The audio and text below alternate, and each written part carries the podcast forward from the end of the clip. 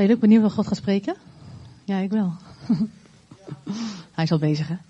Vader, dank u wel dat u er al lang bent. Heer, en dank voor wat u al gedaan hebt. Maar Heer, nu ook nu Johan hier is, hier om uw woord te brengen, Heer, we geloven echt, Heer, dat, uh, dat u weer iets nieuws, iets verfrissends, iets verkwikkends, iets bemoedigend of iets, uh, of iets sturends hebt voor ons, Heer. Wat het ook is, u weet wat goed is. En Heer, we hebben zin in uw woord. We hebben zin om toegerust te worden door u. We hebben zin om weer verder u, u te ontmoeten en uh, ja, van u te horen wat u te zeggen hebt, Heer. We willen het graag echt omarmen, Heer, want uw woorden zijn goed. In de naam van Jezus. Dank u dat u Johan zalft hier met uw, met uw kracht, met uw geest, met onderscheid, met wijsheid, met zorgvuldigheid. Heer, dank u wel. In de naam van Jezus. Amen. Amen. Goedemorgen. Wat heerlijk om weer bij jullie te zijn. Ik, het is alweer eventjes geleden.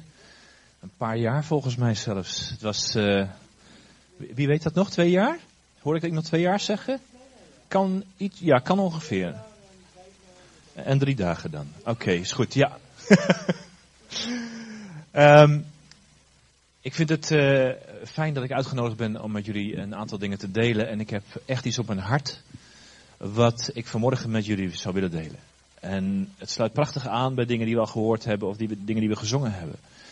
Maar het is ook wel iets waarmee ik als het ware mee wil nemen uh, naar, naar binnen toe, denk ik. Een stukje naar binnen. Wij zoeken heel veel dingen naar buiten. Moet je maar eens opletten. Als je dingen doet, dan zijn we heel veel naar buiten aan het zoeken. Als je dingen nodig hebt, zoek je dat buiten. Als je, als je iets zelf, um, als je aandacht nodig hebt, als je hulp nodig hebt, dan zoek je dat van buiten. Moet je je eens even voorstellen hoe vaak mensen iemand anders verantwoordelijk maken voor wat jij nodig hebt. Ik heb aandacht nodig. En als jij mij geen aandacht geeft, dan is het jouw verantwoordelijkheid. Ik heb hulp nodig. Ik heb, maar jij moet mij dat geven. Het is dus echt heel erg gericht op wat een ander doet, terwijl eigenlijk de verantwoordelijkheid ligt bij jou en dat het, dat het ligt in de relatie tussen jou en God zelf. Ik heb een enorme passie voor het koninkrijk van God. Het koninkrijk van God, wat zichtbaar moet worden in deze wereld. Herkennen jullie dat? Oké. Hoe doen we dat? Hoe laten wij dat koninkrijk van God nu zichtbaar zijn? Ik, ik had daar best wel wat ideeën over. Jullie ook? Hoe doen we dat? In, in mijn hart. Maar hoe doe ik dat dan? In mijn hart is één ding, maar hoe wordt het dan zichtbaar? Door? Door mijn eigen daden, door wat je doet. Oké, okay. en wat doe je dan? De liefde van God uitstralen. Helemaal goed. Hoe doe je dat?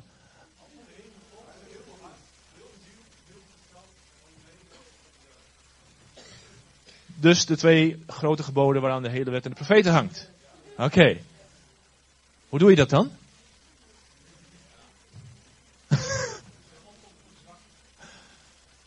Oké, dat is heel belangrijk. Dat is een van de grote belangrijke dingen, grote pijlers in het koninkrijk, maar het is een pijler. Er zijn er nog veel meer. Opkomen voor de zwakken, voor de wees, de weduwe, de mensen die het nodig hebben, absoluut. Weet je, we weten de dingen heel vaak wel. En ik zeg ook, ik zelf ook hoor, ik, ik leer ook door de tijd heen dat, dat je handen en voeten leert geven aan hoe doe je dingen dan. Want we kunnen heel veel met elkaar zeggen, ja, maar je moet dit doen en je moet zo doen. Maar hoe doe je dat dan? Waar heeft het ermee te maken?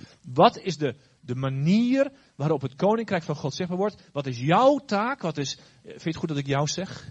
Anders zet ik jij en u de hele tijd en dat scheelt me heel veel tijd dan. Dan kan ik extra preken. Dus, uh, maar ik bedoel hetzelfde.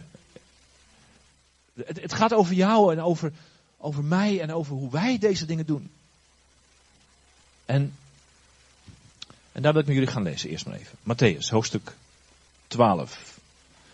Ik denk een van de belangrijkste hoofdstukken in de Bijbel, die misschien nog wel eens even een klein beetje aan de kant worden gegooid. Of waar één of twee teksten uit worden gehaald, die we dan uit de context halen en op onszelf gaan toepassen. Ik zal daar even wat over zeggen. Matthäus hoofdstuk 12, vers 25.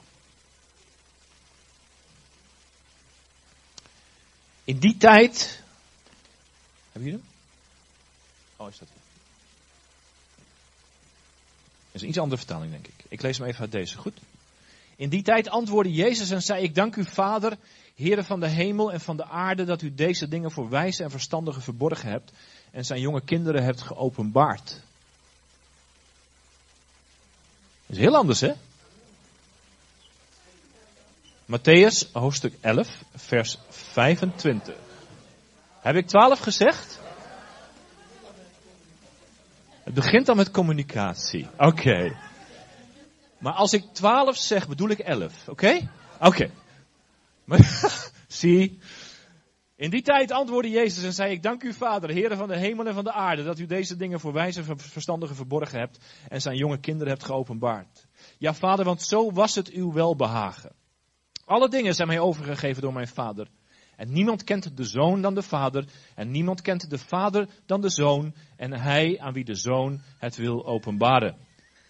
Kom naar mij toe, allen die vermoeid en belast bent. En ik zal u rust geven. Neem mijn juk op u en leer van mij dat ik zachtmoedig ben en nederig van hart. En u zult rust vinden voor uw ziel. Want mijn juk is zacht en mijn last is licht. Amen. Dit, dit, dit gedeelte, dit, een aantal versen kennen we vast wel, of niet? Vooral dat stukje van, kom naar mij toe, wie vermoeid en belast is, en ik zal je rust geven. Toch? Dat stuk wordt vaak gebruikt.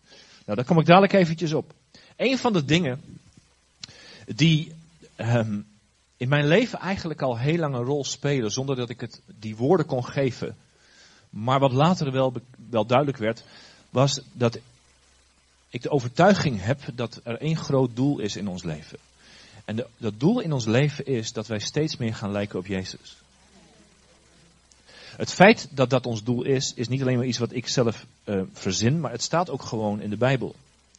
Als je leest, eventjes, ik haal de tekst er maar even bij. Als je leest in Romeinen hoofdstuk 8, dan staat er in vers 29 het volgende. En laat ik maar even bij 28 beginnen, want dat sluit heel mooi aan bij wat, uh, ik ben zijn naam even vergeten, jongeman uit Israël.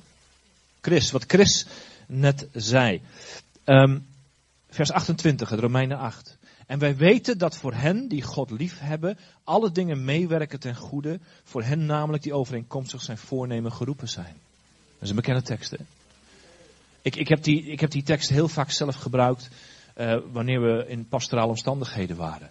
Als mensen het moeilijk hadden in hun leven. Als mensen moeilijkheden hadden in hun gezondheid. Of moeilijkheden hebben in een financiële situatie. Of moeilijkheden hebben in, in relaties. Of moeilijkheden hebben, hebben op hun werk.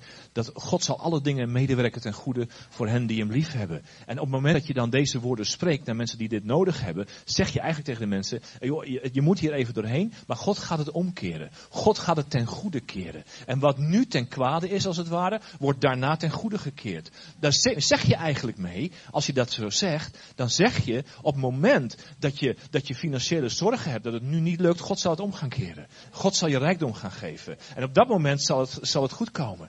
En, en, en als je een probleem hebt in je relaties, het is nu even nodig, maar God gaat het omkeren en het gaat weer goed worden. God gaat het ten goede keren. Dat is waar, hoe, wij, hoe ik het vaak gebruik. En ik hoor aan de mensen dat jullie het ook vaak zo gebruiken.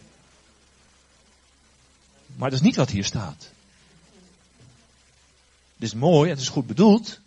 En we doen het allemaal oprecht, maar het is niet in welke context het staat. Ik lees het vers nog een keer en lees ik het vers daarna. En wij weten dat voor hen die God lief hebben, nou dat doen we hè? Toch? Heb je God lief? Oké. Dat voor degenen die God lief hebben alle dingen meewerken ten goede. Voor hen namelijk die overeenkomstig zijn voornemen geroepen zijn. Want hen die hij van tevoren gekend heeft, heeft hij er ook van tevoren toe bestemd om aan het beeld van zijn zoon gelijkvormig te zijn, opdat hij de eerstgeborene zou zijn onder vele broeders. Het vers wat daarna komt, spreekt over het feit dat hij, God zelf dus, die, die, die, die ons van tevoren heeft gekend, heeft hij ook er van tevoren toe bestemd om aan het beeld van zijn zoon gelijkvormig te zijn. En dat is het doel wat God met jou en mij heeft. Het doel is dat wij gaan lijken op Jezus. En om tot dat doel te komen, gebruikt God de omstandigheden van jouw leven.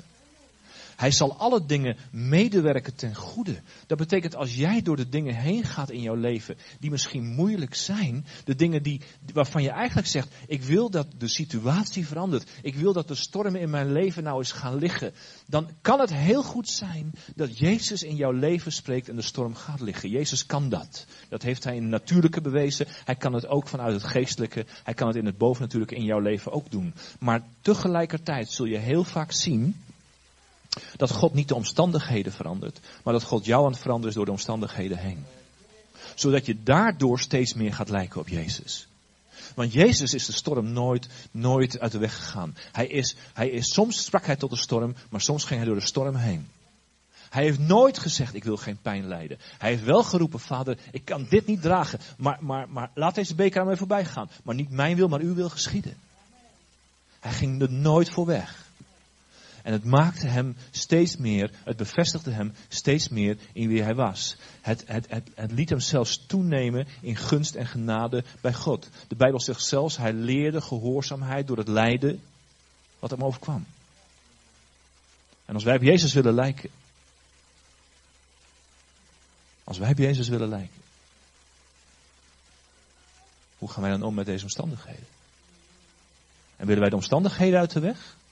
Of zeggen we nee, ik vertrouw op Hem die mij dwars doorheen, door die stormen heen haalt en daardoor mijn karakter gaat vormen en daardoor mij steeds meer gaat maken zoals Jezus. En dat is een van de grote dingen die ik heb geleerd in, in, in de jaren dat ik, dat ik met Jezus mag wandelen. Toen ik begon met het ontdekken van de Heilige Geest, toen dacht ik dat een van de grote dingen waarin ik op Jezus moest lijken was doen wat Jezus deed.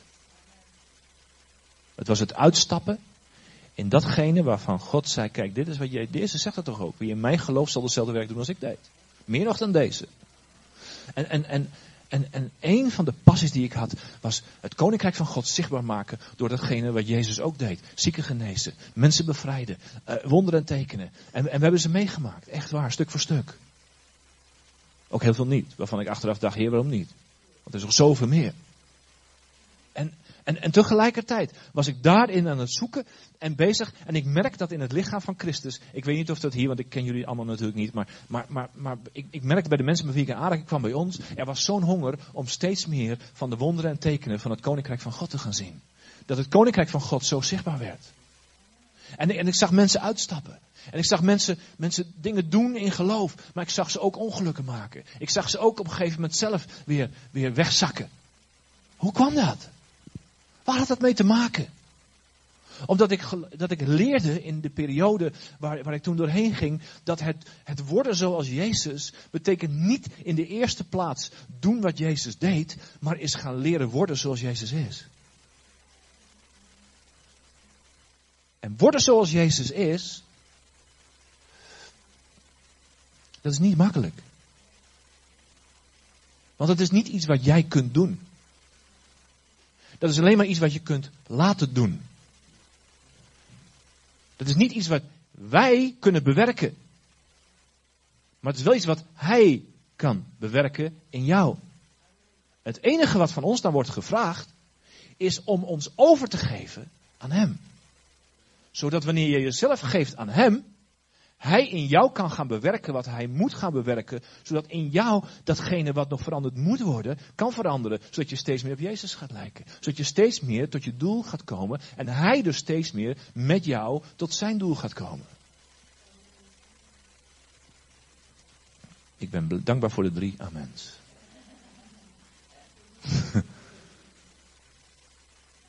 Want het komt nu al dichterbij. We roepen natuurlijk heel vaak, misschien jullie ook wel, of, of hier nou net niet, maar de rest van de kerk wel. God houdt van je zoals je bent. Maar ik zeg er altijd achteraan, ik weet niet van wie dat oorspronkelijk komt, ik heb het ook maar gehoord ergens. Maar het is wel waar, maar houdt te veel van je om je zo te laten zoals je bent. En, en daar, daar zit, zit het punt. Ben je bereid om dat ook dan te laten gebeuren? Ben je bereid om laat ik het maar zo zeggen, de controle van jouw leven in de handen van Hem te leggen, zodat Hij jouw leven kan sturen door Zijn geest, zoals Hij dat wil. Ben je bereid om alles uit handen te geven en Hem te vertrouwen. Want dat is geloof. Geloof is vertrouwen dat Hij die alles kan, het ook in jouw leven zal doen. En daarom zegt Jezus in dit gedeelte een aantal van die belangrijke dingen. En, en ik wil daar eens gewoon even kort doorheen lopen om, om te gaan naar dat stuk wat zo belangrijk is. Jezus zegt in Matthäus, wat we gelezen hebben met elkaar, Matthäus hoofdstuk 11, dat Jezus zei, ik dank u Heer, ik dank u Vader, Heer van de hemel en van de aarde, dat u deze dingen voor wijze en verstandigen verborgen hebt en ze aan jonge kinderen hebt geopenbaard. Even voor de goede orde. De dingen die God heeft geopenbaard, Jezus zegt hier niet, hij heeft dat aan de allerkleinsten in leeftijd geopenbaard. Hij heeft het niet geopenbaard aan de jonge kinderen naar leeftijd. Dat is niet wat Jezus hier zegt. Als Jezus spreekt over jonge kinderen, eh, dan gebruikt hij de vergelijking tussen de wijzen en verstandigen en degene die misschien wat minder geleerd, minder opleiding hebben gehad. Het zijn degenen die nog jong zijn in hun denken, jong zijn ook in hun geloof beleven. En aan deze dingen heeft God het geopenbaard. Waarom? Omdat de wijzen en verstandigen niet om kunnen gaan met openbaring, want ze proberen openbaring te gaan brengen in datgene wat ze al geleerd hebben. En als dat niet past, dan, wat niet past, doen ze weg. En wat wel past, dat laten ze doorcijpelen. Dus het enige wat door kan zijpelen, is datgene wat ze zelf al lang ontdekt hebben. En dat is geen openbaring. Oké. Openbaring betekent iets ontvangen vanuit de bovennatuurlijke geestelijke wereld van God, wat jij niet kunt begrijpen en wat niet in jouw systeem past, maar wat juist God wil gebruiken om jouw denken en jouw begrip en jouw systeem te gaan veranderen. Dat is openbaring. Openbaring is iets wat van boven natuurlijk, vanuit de geestelijke wereld, vanuit God in jou komt. En wat jij dan vervolgens mag gaan zeggen of mag gaan doen. Zodat datgene wat eerst nog niet zichtbaar of hoorbaar was. En zelfs niet te begrijpen was. Wel hoorbaar en zichtbaar gaat worden. Zodat we gaan begrijpen.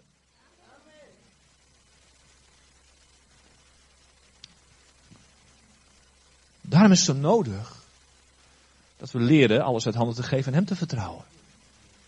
En dat we afhankelijk leren zijn van Hem. En afhankelijk van openbaring. Door gebrek aan openbaring verwildert het volk. Want als je het zelf kunt bedenken, dan doe jij het dus en hoeft God het niet meer te doen. Kan hij het niet eens doen. Oké. Ja, vader, want zo was het u wel behagen. En dan zegt Jezus het volgende. Dit, dit is zo'n vers. Uh, dat heb ik voor een deel maar even heel lang aan de kant geschoven, want ik snapte dat niet. En misschien is dat voor jullie wat anders. Maar ik, ik, ik, ik lees hem even, ja? Alle dingen zijn mij overgegeven door mijn vader. En niemand kent de zoon dan de vader. En niemand kent de vader dan de zoon. Nou, dit, dit stukje pakte ik. Maar, maar dan, en hij aan wie de zoon het wil openbaren. Waarom was dat voor mij een issue? Voor een aantal van jullie is dat misschien helemaal geen issue. Maar voor degenen die het herkennen, even deze. Ik ben een tijd um, uh, geestelijk gegroeid in een, uh, een, kerkelijke omgeving waar ook wel werd gesproken over de uitverkiezing. Wie kent dat? Even. Oké, een aantal. Gelukkig heel veel niet. Want de uitverkiezing zegt als het ware, er zijn mensen van tevoren uitgekozen die tot geloof zullen komen en behouden zullen zijn. En er zijn dus ook, dat is een dubbele predestinatie, dubbele uitverkiezing. Er zijn ook mensen die, die worden uitgekoren om dus niet behouden te worden. Dat wordt geleerd. Dat is uh, wat in veel kerken wordt geleerd vanuit dogmatiek enzovoort. En ik heb op een gegeven moment ontdekt, maar het, het werkt niet zo op deze manier.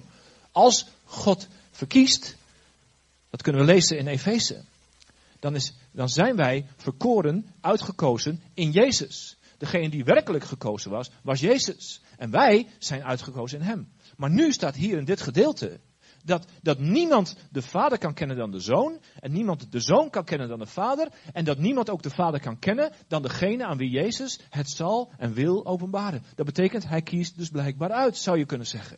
Daarom heb ik hem een beetje aan de kant geschoven. Want ik denk, ja, wat moet ik hier nou toch mee? Hoe werkt dit? En pas later ben ik dat gaan begrijpen. Ja, halleluja. Dank voor de vreugdeuitbarsting. Wat staat hier? Alle dingen zijn mij overgegeven door de Vader, zegt Jezus. En dan zegt Jezus het volgende. En niemand kent de zoon dan de Vader. Niemand kent de zoon. Niemand kent Jezus zoals de Vader Jezus kent. Niemand. Want de Vader en de Zoon zijn zo met elkaar verbonden en zijn zo één. Hè? Jezus zegt ook in Johannes hoofdstuk 14, wie mij heeft gezien, heeft de Vader gezien. Ze zijn zo één dat de Vader weet wat er in zijn Zoon leeft. Meer nog, hij, het wezen van de Vader en het hart van de Vader zit in de Zoon. Zo één. En, en heel veel mensen in die tijd hadden een oordeel over Jezus. Hadden een mening over wie hij was. Hij was, hij was de profeet. Hij was de Messias. Hij was een goede leraar. Maar anderen zeiden hij is, hij, hij, hij, hij is van de duivel. Hij is een dwaalleraar. Hij verkondigt dingen die niet waar zijn. En Jezus zegt juist tegen deze mensen: niemand kent de zoon dan alleen de vader. En het vervolg is: en niemand kent de vader dan de zoon. En hij zei daarmee als het ware tegen de fariseeën en de schriftgeleerden in die tijd: jullie kunnen heel veel kennis denken te hebben opgebouwd over mijn vader, maar daarmee ken je de vader niet. Je hebt kennis opgebouwd over hem, maar het kennen is er niet. Alleen de zoon kent de vader. Dus al de dingen die jullie denken te vertellen over mij, of dingen die jullie denken te vertellen over mijn vader, dat is allemaal datgene wat uit jullie eigen wijsheid en verstand komt. Dank u vader dat u het niet aan hem geopenbaard, maar aan de jonge kinderen. Snap je, in die context ligt dit allemaal. En dan zegt Jezus, en niemand kent de vader dan de zoon. Ik ken hem, zegt hij eigenlijk. Ik ken hem. Door en door. Dat is intimiteit. Victor. Intimiteit. En,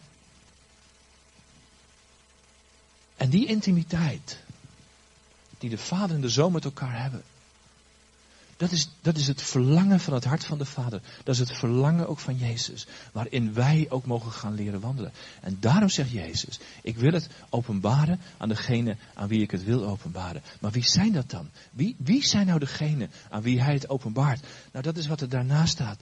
Dan zegt hij, kom naar mij toe, alle die vermoeid en belast bent, en ik zal u rust geven.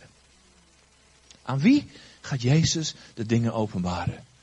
Aan wie gaat Jezus de Vader openbaren? Aan hen die tot hem komen, die vermoeid en belast zijn. En, en, en, en, en die vervolgens zijn juk opnemen. Dan zegt hij, neem mijn juk op en leer van mij dat ik zachtmoedig ben en nederig van hart. Wil je de Vader gaan leren kennen? Kom dan tot mij en ik zal de Vader openbaren. En je mag van mij leren wat het is om zachtmoedig te zijn en nederig van hart. Want als je dat gaat leren, dat ik zo ben, zul je ook de Vader gaan leren kennen. Hij zegt eigenlijk dit. Hij zegt niet, dus zo'n tekst hè, die we dan vaak eruit kunnen plukken. Ook weer net zoals eigenlijk net wat we deden met uh, Romeinen 8 vers 28. Hij zegt, kom naar mij toe al die vermoeid en belast en ik zal rust geven. Dit is weer zo'n vers, vers die, die ik zelf en velen denk ik met mij zo heerlijk pastoraal kunnen gebruiken. Ik ben zo moe van de dingen van het leven. Ik ben zo moe van, van, van al het vechten. Ik ben, ik ben moe van... dat kun je zeggen, maar soms is het ook gewoon zo. Soms is het gewoon waar. Soms heb je daar gewoon last van. En, en, en als je dat niet mag uitspreken, hoe moet je er dan mee dealen? En hoe kunnen wij dan helpen? Alleen het punt is, hoe gaan wij helpen? Hoe gaan wij helpen? Gaan wij dan zeggen, joh, kom naar Jezus, als je vermoeid en belast bent, hij gaat je rust geven. Het is goed bedoeld. En het is misschien ook nog waar, maar het is niet zoals Jezus het hier bedoelt.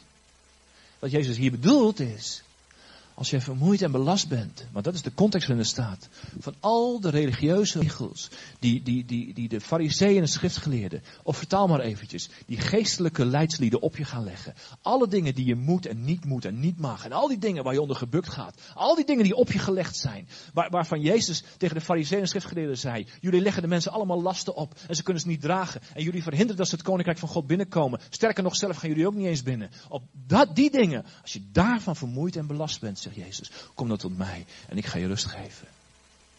Ik ga niet zeggen wat je wel of niet moet. Ik ga niet allemaal regels op je leggen. Ik ga niet allemaal verplichtingen op je leggen. Ik ga je brengen in een relatie.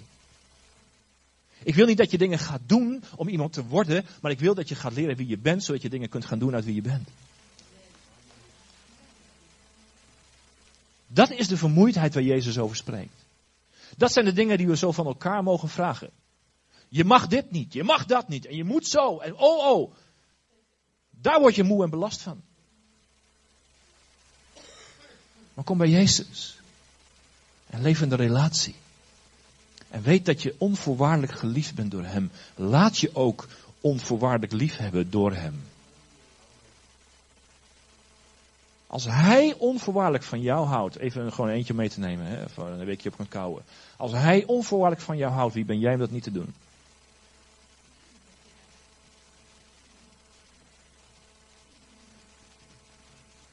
Dank je. Als Hij onvoorwaardelijk van jou houdt, wie ben jij om dat niet te doen?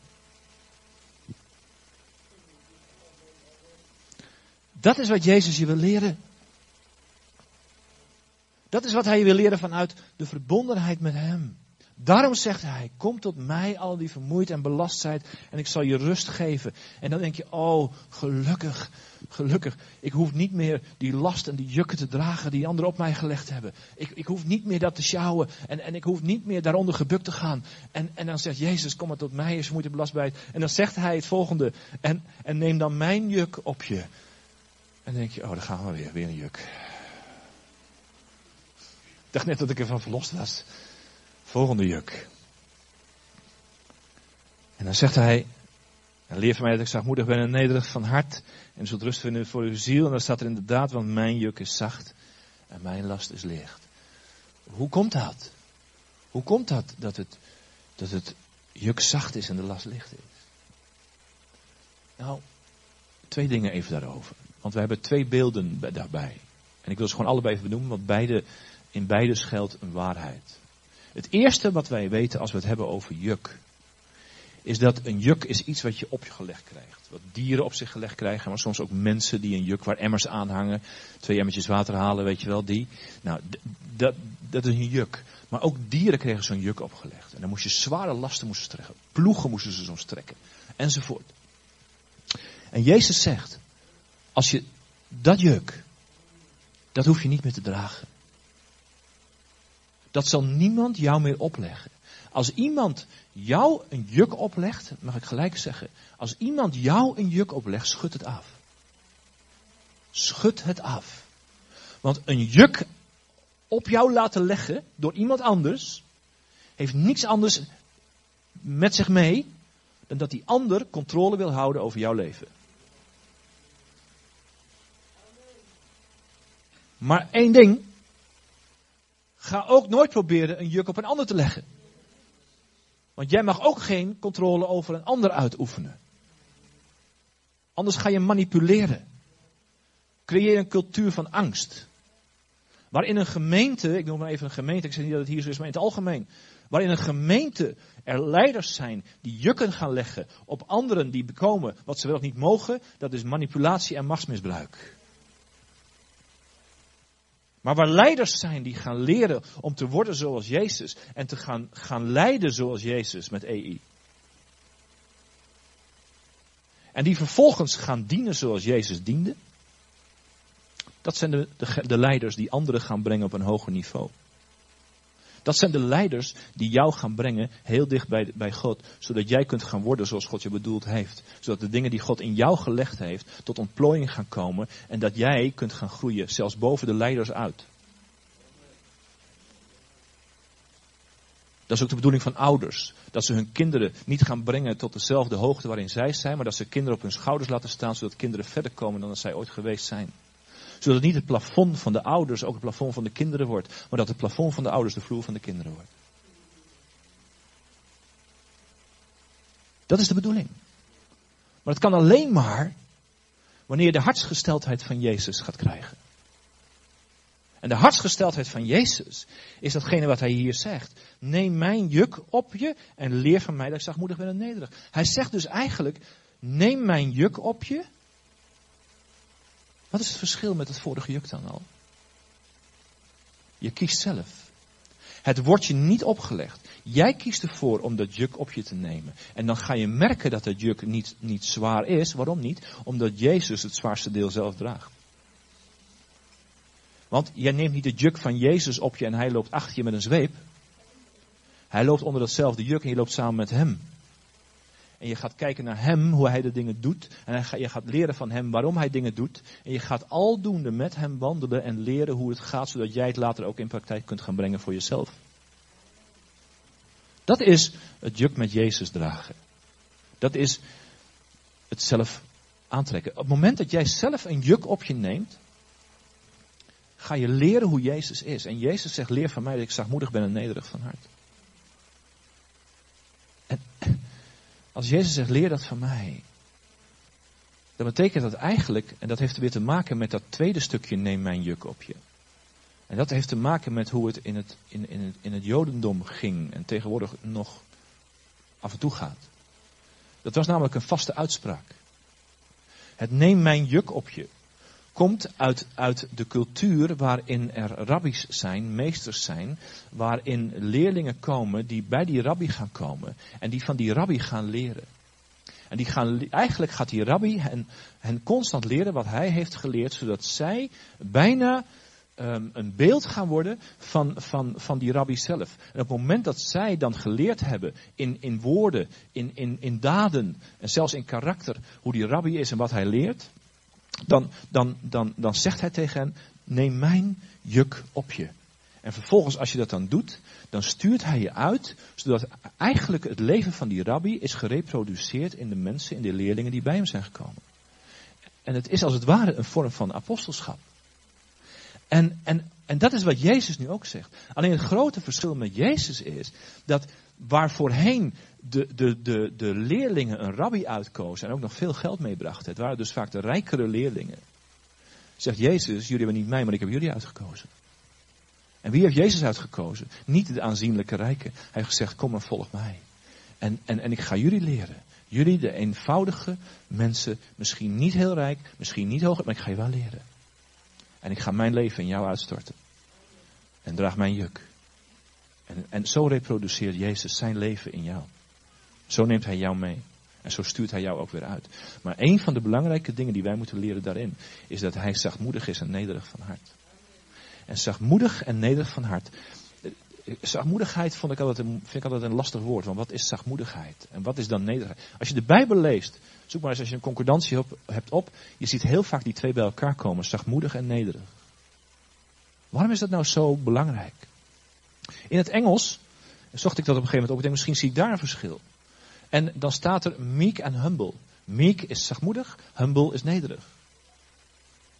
En dan denk ik, ja, wat is meek dan? Dus dan ging ik meek weer opzoeken in, in de vertaling in het woordenboek. En dan stond er nederig. Dan denk ik, ja, dan heb je nederig en nederig. Dat schiet ook niet op. Wat is nou het verschil? Hoe, hoe past dat samen? En toen, toen kwam ik in, uh, in Jeruzalem, kwam ik, uh, uh, bij een Anglikaanse kerk in Jeruzalem, kwam ik, kwam ik een Engelsman tegen. Nee, een Canadees was het trouwens. Een Canadees tegen. En, en ik zei, joh, ik wil dus gewoon iets weten vanuit jouw taal. En misschien hebben jullie er wel eens over gehad. Wat is nou het verschil tussen meek en humble? Wat is nou het verschil tussen zachtmoedig en nederig? En toen zei hij dit. En dat vond ik zo verhelderend. En toen snapte ik het. Hij zei dit. Wanneer jij ontzettend sterk bent, uiterlijk. En wanneer jij alle vechtsporten kent die je maar kunt kennen. En wanneer je ook nog wapens hebt, dan hoef jij niet bang te zijn dat iemand jou wat doet. Want jij weet alles om jezelf te verdedigen. Jij hoeft niet bang te zijn. Dus je hebt niet de neiging om jezelf groter en breder en stoerder en sterker te maken. Want je weet diep van binnen, ik weet dat ik weet dat ik weet. Mij gebeurt niks. Maar als je dat niet hebt, dan ga je jezelf groot maken. Van kijk eens hoe groot ik ben en stoer en sterk. Want dan mis je die innerlijke overtuiging, dat innerlijke, die innerlijke kracht, waardoor je niet hoeft te bewijzen naar buiten toe. Nou, dat is met deze twee ook zo. Uiterlijk, wat uiterlijk zichtbaar wordt, is jouw nederigheid.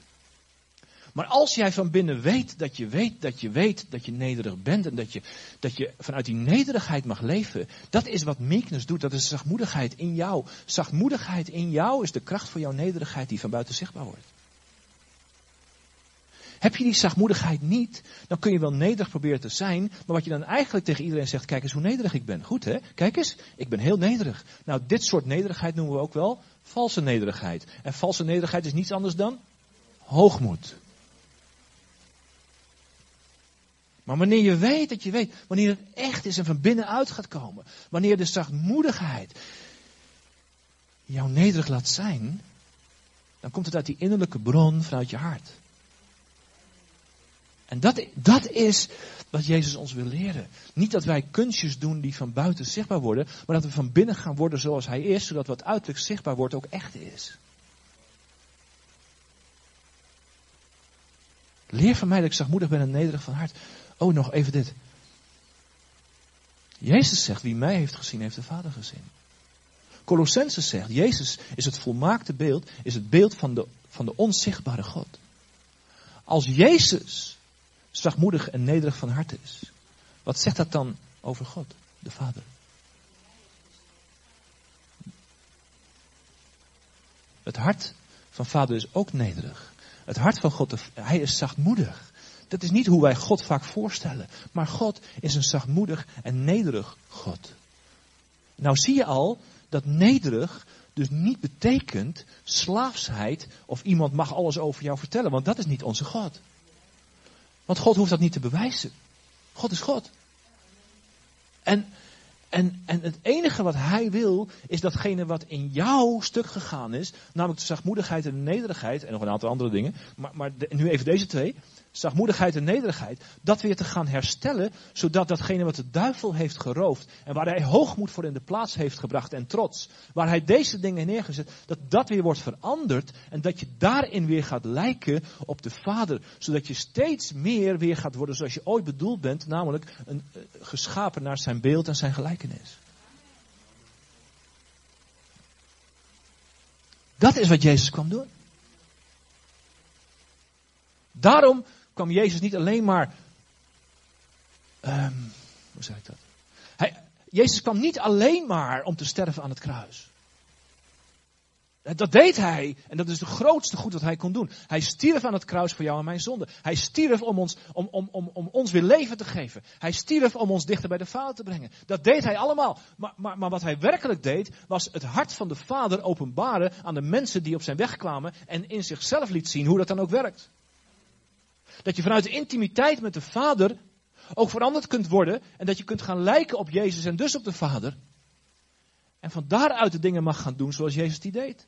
Wat deed Jezus dan? Hoe deed Jezus dat dan? Nou, Jezus zegt, de zoon kan niets uit zichzelf, tenzij hij het de Vader ziet doen. Dat is een ander beeld van Jezus dan de Jezus die overal heen gaat met een lichtkrans om zijn hoofd. En hij kan toch alles, want hij is de zoon van God. Jezus kon alleen maar wat hij de Vader zag doen. Dat deed hij.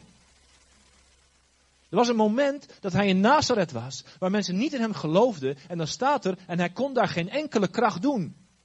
Hij kon enkele, ja, hij kon alleen enkele mensen genezen door handoplegging, staat er dan. Nou, daar zouden we hier al heel blij om zijn natuurlijk. Maar, maar, maar, maar er staat bij, hij kon geen enkele kracht doen. Op een ander moment lees je dat, dat hij iemand genas, want de kracht des Heren was aanwezig. Dus blijkbaar, zodat hij kon genezen, staat erbij. Dus blijkbaar was Jezus afhankelijk van datgene wat de Vader hem gaf. En wat hij zag, wat hij de, de Vader gaf, dat deed hij. Dat is de intimiteit. Dat is de verbondenheid. Dat is de eenheid tussen de Vader en tussen de Zoon. Dat is de Heilige Geest die na de doop in de Jordaan op Jezus komt en die alles wat Jezus daarna deed leidde. Hij leidde hem de woestijn in. Hij leidde hem in de kracht van de geest kwam Jezus weer eruit. En, en daarna ging hij alleen maar kijken door de geest. Wat deed de Vader? Wat zegt de Vader? En dat is wat ik doe. Ooit was over nagedacht. Dat die man in handelingen, waar Johannes en Petrus komen, die er al vanaf zijn geboorte verlamd is en die daar al, al die tijd elke keer zit om geld te. Waarom die man nooit genezen is, terwijl Jezus daar verschillende keren langs moet zijn gekomen. Wij zouden op, eh, op die keer zijn gestapt en zeggen, joh kom op in de naam van Jezus loop. Of wees genezen of nou ja, whatever. Jezus niet, Jezus wandelde. Waarom? Omdat de vader niet liet zien dat hij die man op dat moment moest genezen. De vader wist al dat als Jezus naar de hemel is gegaan en de Heilige Geest wordt uitgestort, dan komen Johannes en Petrus er langs en dan zal het gaan gebeuren. Wat ik heb, dat geef ik jullie. Of dat geef ik je. Sta op en wandel. Snap je hoe dat werkt? Wij, Wij zijn nog te veel bezig om ons best te doen om de Vader te behagen en de dingen van het Koninkrijk te doen. Het enige wat Vader van ons vraagt is leven in eenheid en intimiteit met de Heilige Geest en daarmee met Jezus en daarmee met de Vader, zodat je kunt zien wat Hij doet en wat Hij doet, doe dat ook. That's it.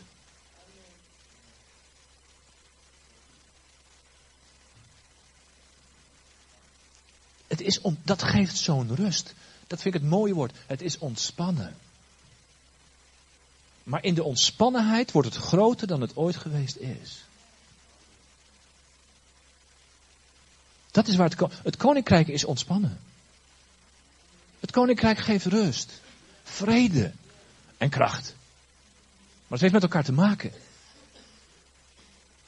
Dat, dat is waar het mee te maken Dus het vraagt totale overgave. Nederigheid, even voor de goede orde. Nederigheid betekent niet dat ik mij heel laag en nederig eerst moet maken voor jullie hier, zodat jullie maar. Nee, nederigheid betekent ik ben volkomen afhankelijk van mijn hemelse vader. Nederigheid betekent ik ben volkomen afhankelijk van hem. Alles wat er in mijn leven gebeurt is in zijn hand. Alles wat door mij heen kan gebeuren naar een ander is in zijn hand. Alle autoriteit die Jezus mij heeft gegeven is niet mijn autoriteit. Het is zijn autoriteit, want hij leeft in mij. En hij doet de werken door mij heen.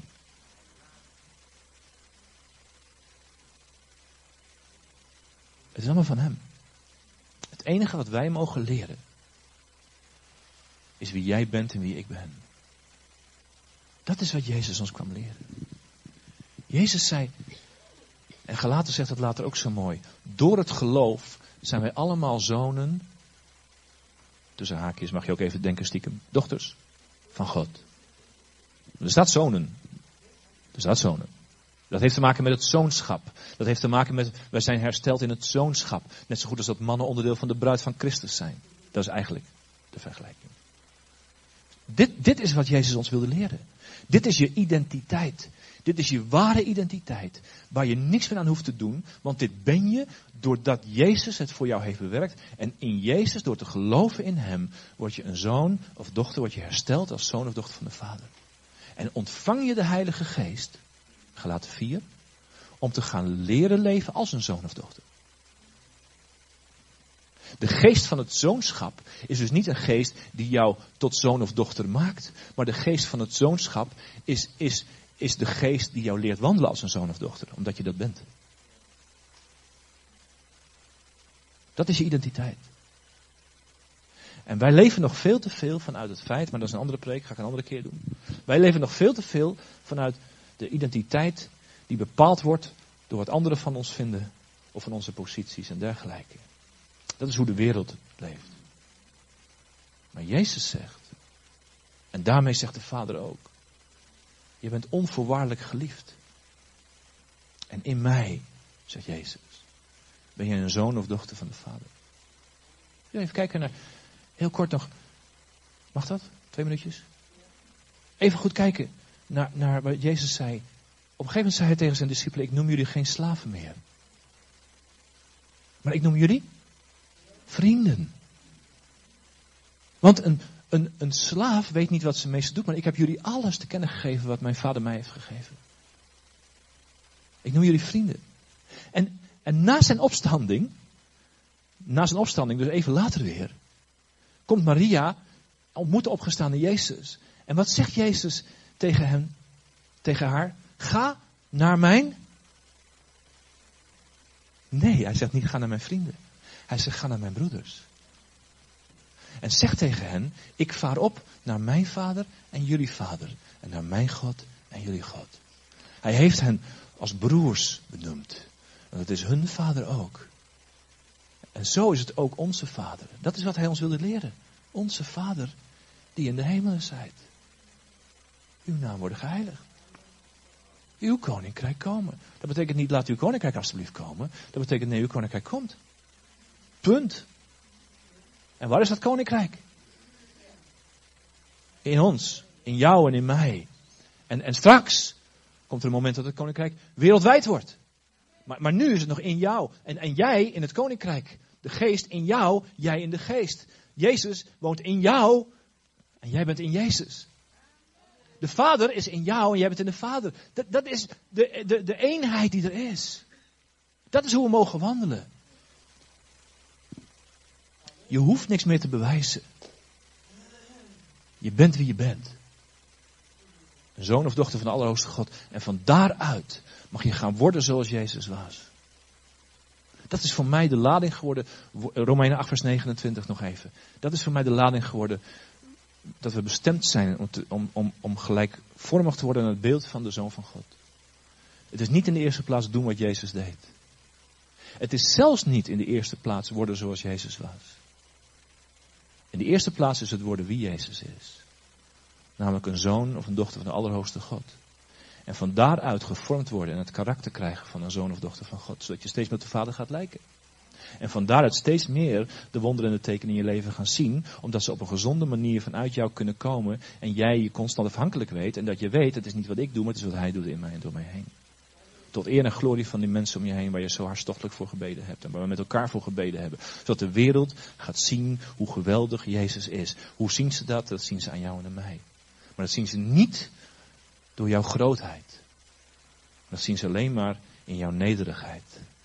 En in jouw zachtmoedigheid. Want door jouw zachtmoedigheid en door jouw nederigheid wordt de grootheid en de heerlijkheid van God gezien. Amen. Amen.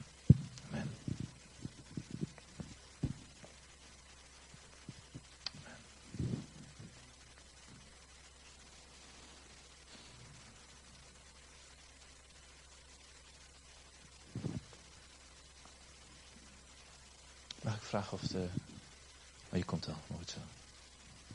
Tien.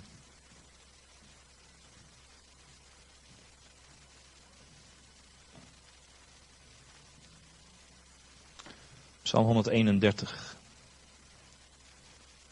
En daarmee wil ik als het ware het gebed ook ingaan. Psalm 131 is een psalm van David. En David zegt het volgende. Heere, mijn hart is niet hoogmoedig.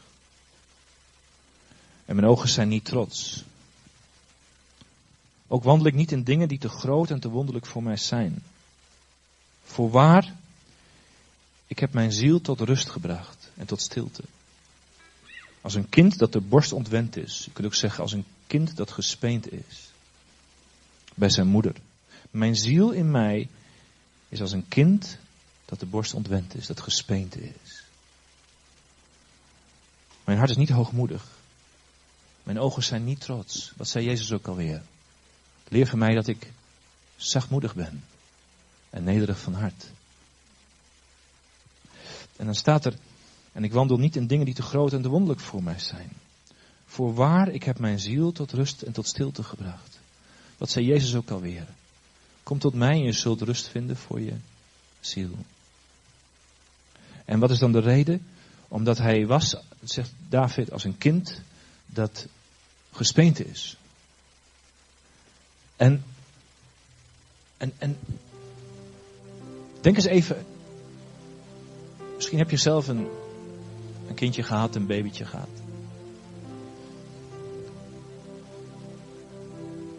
Of misschien heb je het van heel dichtbij gezien. En als vader sta je soms bij en kijk je ernaar, maar als een moeder een baby heeft gevoed, laten we even zeggen gespeend, kan niet altijd, maar even zeggen gespeend en gevoed. En de baby is, is voldaan. Zo'n baby ligt in de armen van moeder. En, en hij kijkt omhoog even. Die grote, mooie, blauwe, bruine ogen. Wat, wat, wat, wat ziet zo'n baby dan? Hij ziet de liefde. Hij ziet de ogen van die moeder. Die stralen. En die kijken naar hem. Of naar haar. En, en zo'n zo'n kind hoeft niets. Zo'n kind hoeft zich niet te bewijzen. Zo'n kind hoeft niet zijn of haar best te doen. Zo'n kind is onvoorwaardelijk geliefd door de moeder en door de vader. Zo'n kind mag, kan bijna niks, ik kan eigenlijk niks verkeerd doen. Als zo'n kind een boertje laat, krijgt hij nog een complimentje. Moeten wij eens proberen. Snap je, zo'n kind is veilig. Is absolute veiligheid. En de bedoeling is, dat is Gods bedoeling, dat zo'n kind in die veiligheid en in die onvoorwaardelijke liefde mag blijven leven en opgroeien. En dat is wat God ook aan jou aanbiedt. Hij, wij noemen hem de Vader. Dat is hoe Jezus ons leert. Onze Vader. Maar God heeft de mens geschapen. Man en vrouw schiep hij. Dat betekent dat alle eigenschappen die een man en een vrouw hebben, beide vertegenwoordigd zijn in de ene God. God is als een vader en als een moeder die jou koestert en die jou opvoedt en die jou, die jou groot brengt, maar die ook jou wil laten functioneren als een zoon of een dochter. En hij wil tegen je zeggen, en je hoeft niet je best voor mij te doen, want ik, je bent geliefd. Je bent mijn zoon, je bent mijn dochter, je bent mijn kind. En ik wil niet dat je je blijft gedragen als een klein kind. Ik wil ook dat je opgroeit en dat je volwassen wordt, maar je bent en blijft mijn kind. Mijn zoon, mijn dochter. En ik wil dat je veilig weet. Ik wil dat je je veilig weet. En dat wanneer je opkijkt, dat je in mijn ogen kijkt. En dat je mij ziet.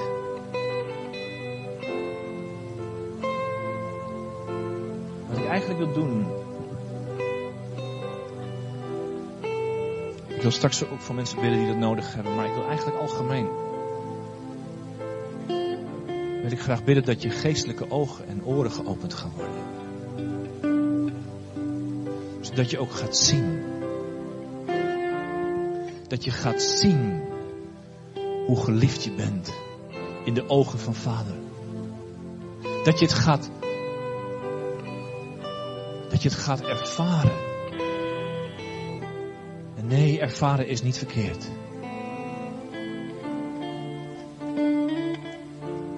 Dat je je veilig weet. En dat je weet, ik hoef mij niet te bewijzen. Ik hoef niet mijn best te doen. Ik mag zijn. Ik mag zijn. En vanuit het zijn mag ik gaan doen. Ik hoef niet te doen om iemand te zijn. Maar ik mag iemand zijn wat ik ga doen. De naam van God is Ik Ben. En daarom mogen ook wij zijn.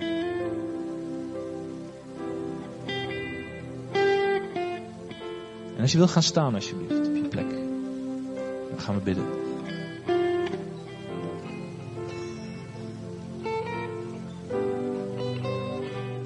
Vader, ik wil je vragen zou je misschien een hand op je oog willen leggen en een andere symbolisch dan een van de oren. En vader, ik bid zoals we hier zijn, dat u door uw heilige geest op dit moment onze ogen en oren gaat aanraken. En dat we gaan zien. Dat we u gaan zien, dat we onze ogen op u gericht kunnen houden en u gaan zien. En, en uw ogen zien. En daarmee de liefde zien in uw ogen. Dezelfde liefde die u voor Jezus hebt, is ook de liefde die u voor ons hebt. Voor mij persoonlijk. En dat we uw stem zullen horen. Waarin u zegt, welkom thuis mijn zoon, welkom thuis mijn dochter. Het is zo goed dat je er bent. En ik heb je lief. Ik heb je lief. Vader, leer dat er een kerk zal zijn. Hier, deze plaats, maar, maar wereldwijd. Dat we steeds meer gaan leren leven vanuit de openbaring die u geeft. De openbaring dat uw kerk bestaat uit zonen en dochters. Die, die, die zijn naar uw beeld en gelijkenis. Of die worden gemaakt naar uw beeld en gelijkenis. Zachtmoedig, nederig van hart. Omdat we het kunnen zijn omdat de veiligheid er is. Vader, laat ons zien. Laat ons horen. En leer ons en onderwijs ons. Door uw geest. En waar heling nodig is. Waar bevrijding nodig is. Kom met kracht, Vader. Kom met kracht. Heel. Genees. Zet vrij. Ook elk, elk juk van manipulatie wat op mensen gelegd is. Ik verbreek het ook in de naam van Jezus. Manipulatie, ik verbreek het. Elke controle over jouw leven, ik verbreek het in Jezus' naam. En ik spreek vrijheid uit over jouw leven. In Jezus' naam. We houden van u, Vader. Houden van u, Heer Jezus. En we houden van uw Heilige Geest.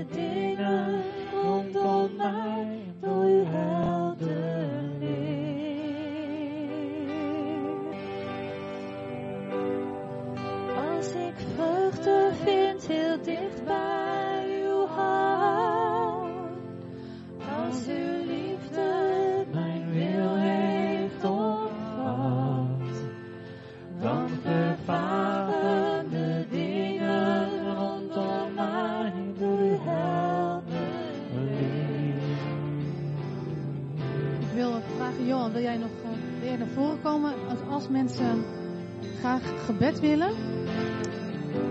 We hebben tijd. We spelen nog, eh, we spelen nog door. En eh, als een gebedsteam ook bij wil gaan staan, mensen die graag gebed willen, dan kan je nu naar voren komen. En doe dat ook. Kom naar voren als je het in je hart voelt dat je wil gaan. Ga dan, pak je tijd. Heer,